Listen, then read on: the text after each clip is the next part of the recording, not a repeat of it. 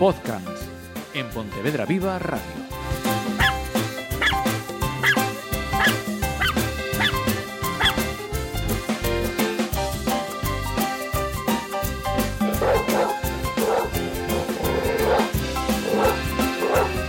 Hola, saludos. Eh, estabais con la intriga, aquellos que seguís eh, podcast, porque lo habíamos dejado en que en esta edición eh, íbamos a tener una sorpresa. Sorpresón.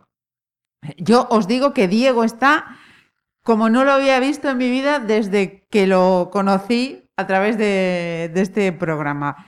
Eh, increíble, increíble. Yo creo que no necesita ni silla porque está el estado en el que está que ya eh, se aguanta Sí, sí, ya vuelo, vuelo, ya directamente vuelo. Bienvenido, nunca mejor dicho. Muchas gracias.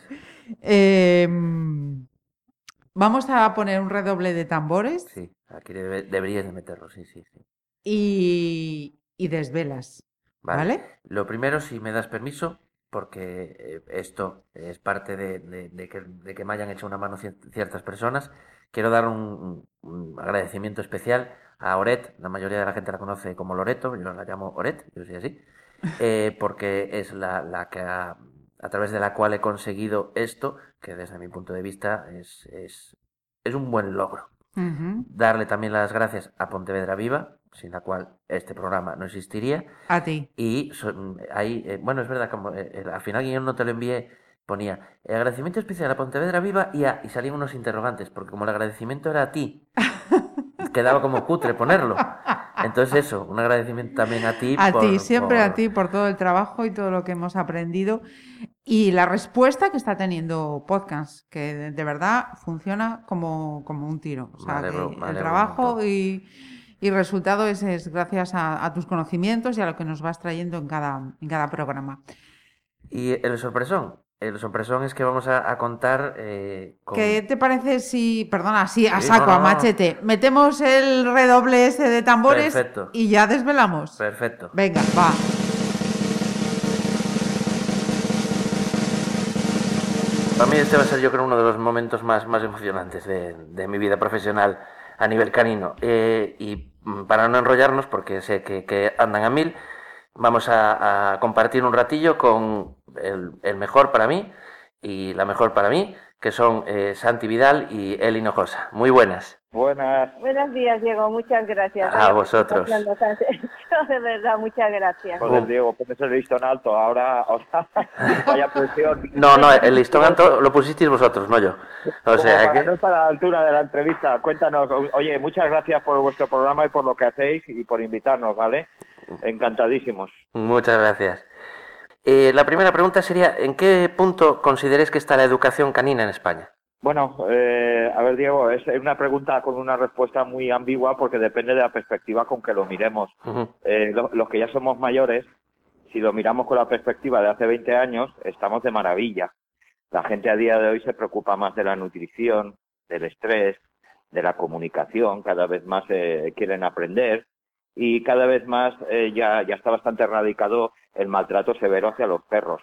Pero si lo miras desde la perspectiva de lo que a él y a mí nos gustaría a día de hoy, pues todavía estamos muy lejos. Quizás, quizás lo que necesitamos ahora es eh, avanzar respecto al maltrato aceptado, porque todavía la gente acepta eh, que un perro le vayamos dando tirones eh, o que vaya con una correa corta eh, o dar un cachete.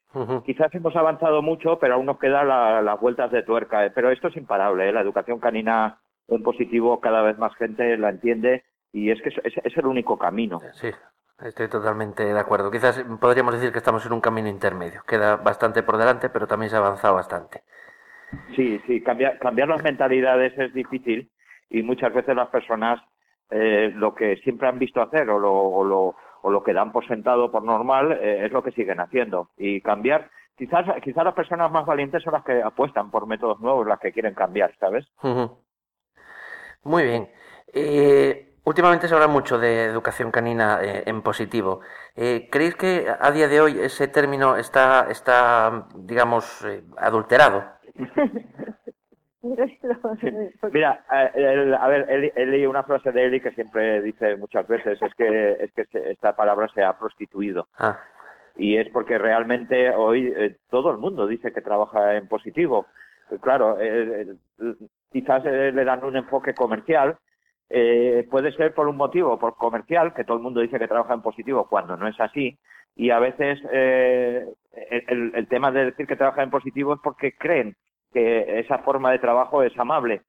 Eh, mucha gente, aunque parezca algo, que todo el mundo debería saber, en realidad no, no conoce lo que significa adiestrar en positivo. Piensan que adiestrar en positivo es ir dando salchichas todo el día a los perros Sí. o que o que es dejarles que hagan lo que les dé la gana, no poner ningún tipo de, límite. claro. Y, y el adiestramiento en positivo en realidad es, es un modelo de convivencia entre humanos y perros para mejorar la vida de ambos. Y, y ese modelo de convivencia pasa por cubrir sus necesidades, por saber sobre sus etapas de vida y comprender los comportamientos que van asociados a cada, a cada etapa de vida, eh, también por eh, entender eh, sobre su comunicación. Fíjate que las personas nos morimos de ganas de que un perro aprenda la palabra sit, Sí. nos morimos de ganas porque un perro aprenda la palabra down, pero hacemos muy poco por aprender algo de su lenguaje. Entonces, el adiestramiento positivo también pasa por aprender un poquito sobre comunicación y las reglas y los límites de convivencia, colocarlos de una manera amable, sin incluir eh, dolor, miedo o malestar en la vida del perro. Sí. Es algo tan simple como esto. Sí, De todas incluso. formas, yo creo que todo esto ha nacido a raíz de que la gente, vamos a poner entre comillas, los equivocados lo han visto como una moda. Ajá. Para otros será como una moda. Pero esto es una filosofía de vida que empieza desde la empatía y el respeto hacia los perros. El otro día Santi decía una frase que la educación canina amable debería ser un derecho para cada perro y que cada persona debería garantizarse, eh, garantizar a que, a que, de que así sea. Entonces, claro, a partir de ahí, pues hay mucha gente que lo hará con mejor con, o con peor intención, pero yo creo que a día de hoy, sobre todo en este, vamos a llamarle en este paréntesis que estamos atravesando ahora, la gente tiene un batiburrillo entre educación canina en positivo, amable, que está bien, que está mal, sí. y todo lo engloban en que no, hay que dar salchichas, o como decía Santi, o, Sí. o se imaginan a la gente que están todo el día colgados del clicker, pero en realidad el fondo es otro, es una forma ética de vida.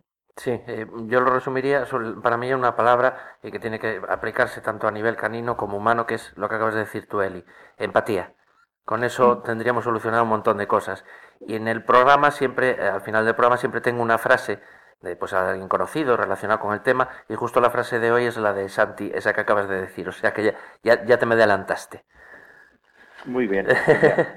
Vale, Eh, lo, eh, que tú, lo que tú dices, lo que tú dices de la empatía es fundamental Sí. y probablemente si los humanos que convivimos con perros les amamos, cuando tenemos alguna duda sobre cómo actuar, utilizáramos simplemente la empatía en lugar de dejarnos llevar por teorías absurdas, sí, simplemente utilizando la empatía, eh, probablemente tendríamos solución todos los propietarios a muchos de los problemas que suceden, porque el sistema nervioso de un perro es perfectamente compatible con el de una persona, ajá. ¿sabes?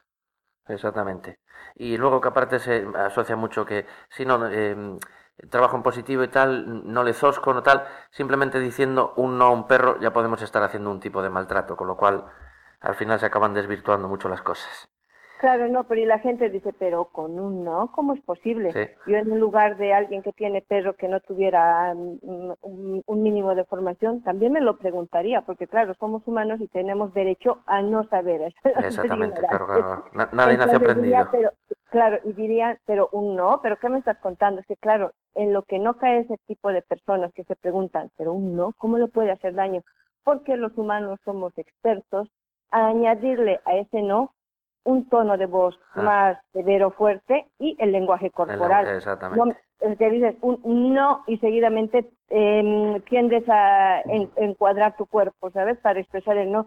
Y ese tipo de lenguaje suele asustar a un perro. Evidentemente, con, al decir ese tipo de no, un perro va a parar, pero no porque entienda el concepto, el fin o el, el, que, el significado que le hayas querido dar a la palabra, no. Si no lo va, va a hacer caso es por miedo.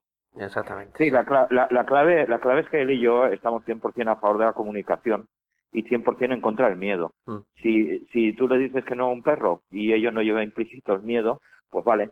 También la segunda parte de la película es que los humanos somos muy malos para ver el miedo en los demás, ¿sabes? Mm, sí. Pero bueno, Es así. Eh, so- somos tuyos, Diego, continúa. Muy bien. Eh, mm, habláis ahora mismo del miedo y, y por ahí va un poco la pregunta. Eh, ¿Cuál consideráis que es el principal problema de los perros hoy en día? Sus dueños. Exactamente. Si siguiesen siendo lobos no tendrían problema, justo. A ver, el- eh, probablemente. eh, mira, lo que pasa es que hay, hay dos tipos de problemas en la convivencia con perros. Uno no es un problema, son conductas aprendidas que son molestas para la convivencia. Lo que de verdad son problemas son lo que tiene que ver con alteraciones emocionales, que aquí sí que hay algunas de ellas muy graves. Entonces, probablemente el principal problema de la vida de los perros es eh, el mismo problema que la vida de sus dueños y se llama estrés. Sí. El estrés está detrás de todas las conductas que irritan a los humanos. El estrés está detrás de, las conductas destructivas, de los, del exceso de ladridos, de, la hiperactividad, de la reactividad, de la agresividad y, el estrés también va de la mano del miedo. Entonces podríamos afirmar que, el gran problema de la vida de los perros es, el estrés y el miedo y, también en parte los humanos también padecemos de esto. Eh, muchas veces las personas parten de la idea de que no les gustaría enfadarse con sus perros, pero la verdad es que vivimos también muy estresados y también muy asustados. Rápidamente tenemos la idea de que vamos a perder el control de la situación y recurrimos rápidamente a la reactividad o la agresividad. Hablo de las personas, ¿me entiendes? Sí, sí. Y muchas veces los perros acaban siendo también eh, un Un poco reflejo. un reflejo de- Sí. del modelo de vida en el que viven. No, no conocemos a muchas personas que vivan súper tranquilas y que resten importancia a las cosas y que sean empáticas, que tengan perros con problemas. Ajá. En cambio, las personas que vivimos más aceleradas o que realmente estamos superados por, por circunstancias, solemos trasladar mucho eso a la vida de, de sus perros. Sí, nuevamente, eh, digamos, hay em- cruce de empatías y de troquelaos y, y tal. Seguimos entonces. Eh, ¿qué le diríais? Hablabais justo antes de, de- de determinados conceptos que, que están bastante ya pasados de, de fecha. ¿Qué le diríais a una persona que cree en conceptos eh, eso, obsoletos como la dominancia o en la viabilidad de educar a un perro mediante castigos, ya sean estos positivos o negativos? Mira, eh, eh, llevamos como 30 años cambiando conceptos en personas y quizás en los principios, eh, cuando más jóvenes éramos y más nos irritábamos, eh, lo que sí que está muy claro es que las personas en cuanto se sienten atacadas, no cambian. ¿Me entiendes? Sí. Entonces, eh, también hay que mostrar empatía por las personas que, que, no- que no saben ciertos conceptos o que no saben que, que hay otra forma de actuar. Partimos de la idea de, de intentar seguir confiando en las personas y que las personas no se equivocan, hacen las cosas lo mejor que saben, en cada momento. Entonces, eh, quizás lo, lo que le diríamos a las personas eh, que, que probablemente ya han utilizado muchos castigos, probablemente llevan mucho tiempo agotados intentando ser el alfa de sus perros y que no les ha funcionado. Esto lo decimos muchas veces a nuestros clientes, que si estarían dispuestos a invertir la mitad de tiempo del que han invertido hasta ahora en, en- en algo que según nosotros es equivocado, en algo distinto y dar una oportunidad a realmente a mejorar la convivencia. Porque eh, esos conceptos que tú dices, tan arraigados por programas de televisión, por la cultura del parque, el administrador del parque es una figura alucinante, va dando consejos a todo el mundo y, joder, parece que sea, eh, yo qué sé, la persona más sabia del mundo, porque todo el mundo le hace, le hace caso.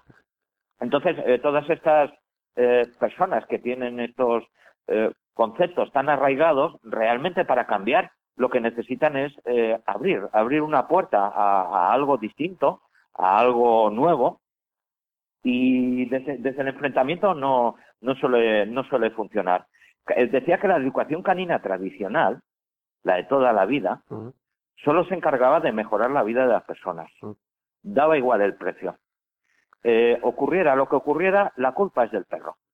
Eh, a, a día de hoy, eh, la- muchas personas, por eso en la primera pregunta tuya, muy interesante, ya son muchas las personas que se han dado cuenta que el perro es un reflejo del modelo de vida y de las circunstancias que, que- que confluyen. Y que mejorando la vida del perro, mejorando las circunstancias, también mejora la vida de las personas. Es una interesante oportunidad este enfoque. ¿Vale? Lo que pasa es que también hay que, hay que entender que las personas son, son susceptibles a los cambios. Para eso es muy importante la técnica de consultoría del educador canino. Perfecto. Eh, desde vuestro punto de vista, ¿qué, qué consideráis que, que deberíamos de potenciar, entre comillas, más en un perro?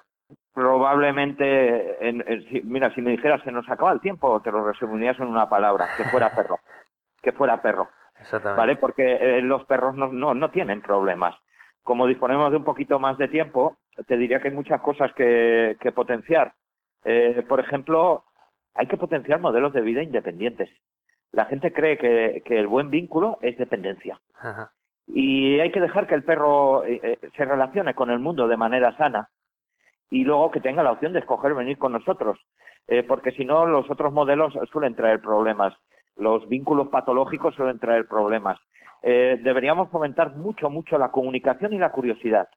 Fomentando estas dos cosas, los perros realmente su vida mejora y pasan a ser perros maravillosos. Cuando dejamos a los perros ser perros, no tienen problemas. Cuando les enseñamos a hacer otra cosa, acaban teniendo eh, problemas. Totalmente de acuerdo.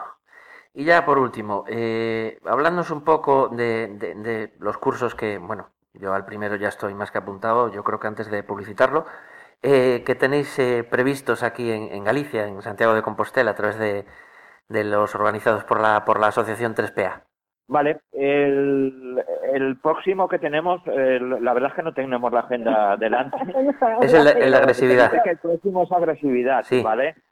Eh, vamos a ver, el, el seminario de agresividad es un seminario que eh, estamos orgullosos de decir que probablemente ha cambiado la vida de muchas personas y de muchos perros. Mira, eh, tanto Eli como yo, sin quererlo, sin pretenderlo, hemos acabado eh, especia- especializándonos en temas relacionados con agresividad. Llevamos tantos años formando administradores que todo el mundo al principio, cuando le venían perros muy problemáticos, no los derivaban.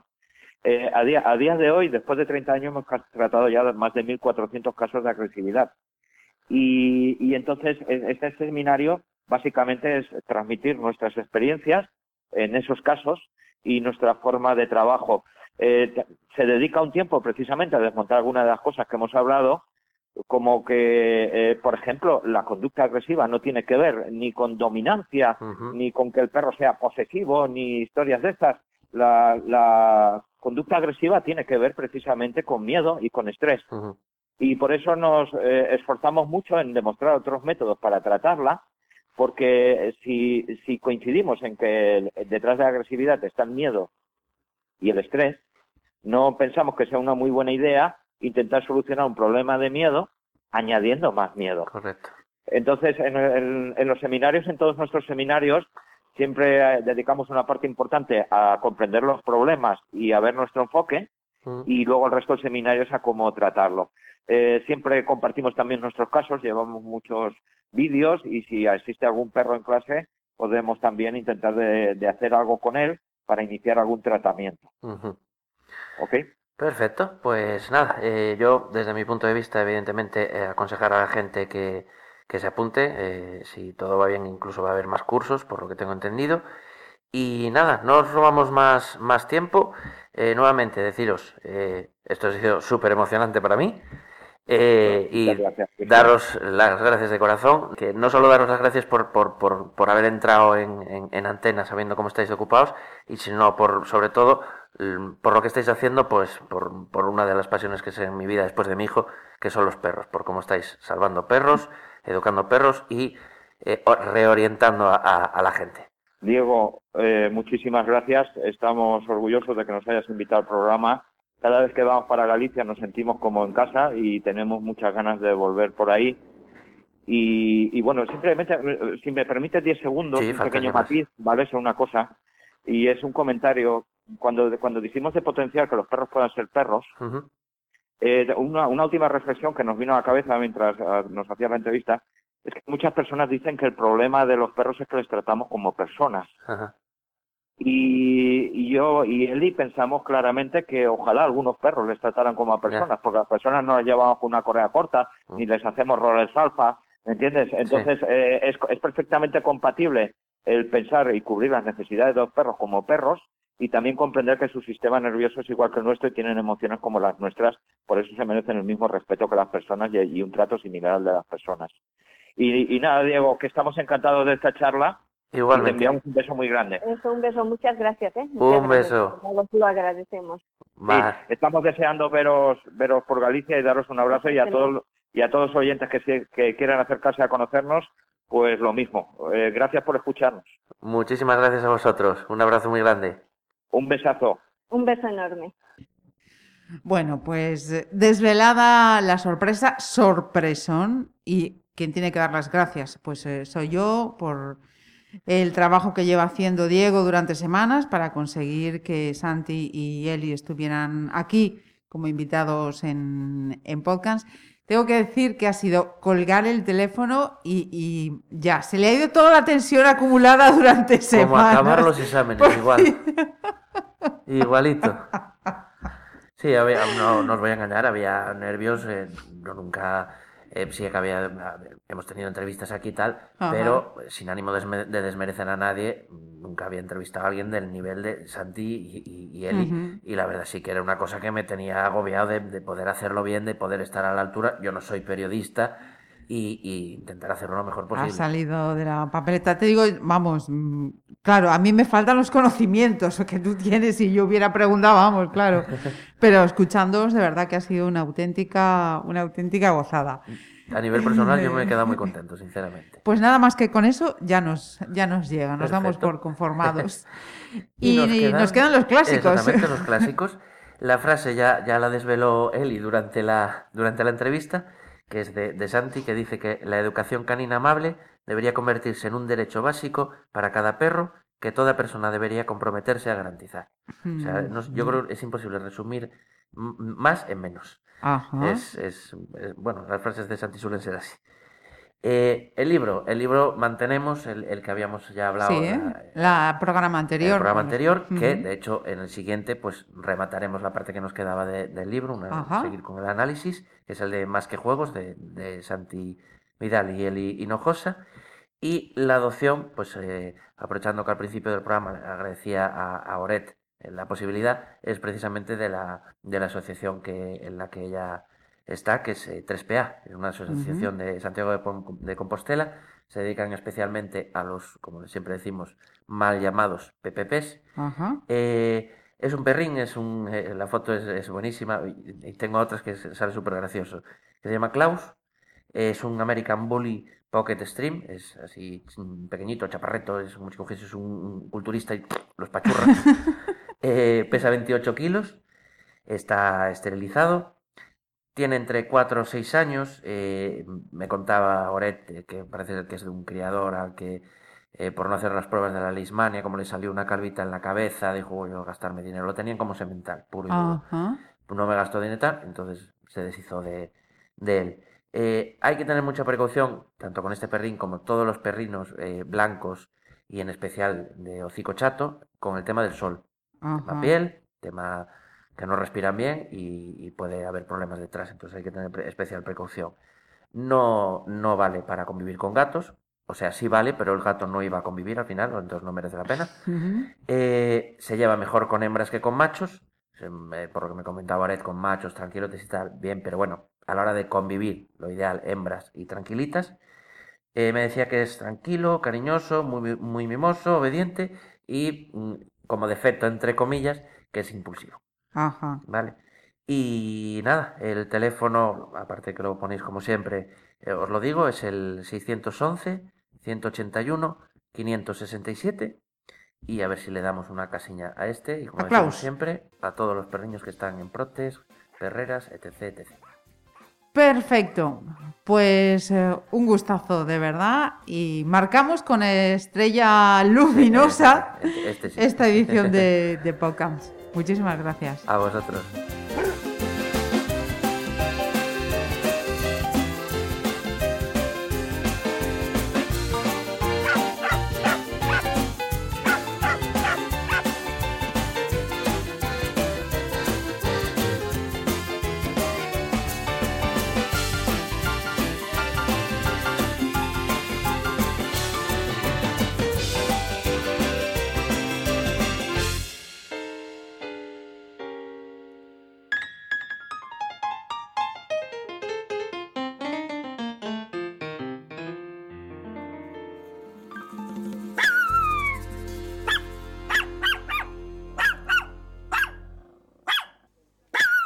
Podcast en Pontevedra Viva Radio.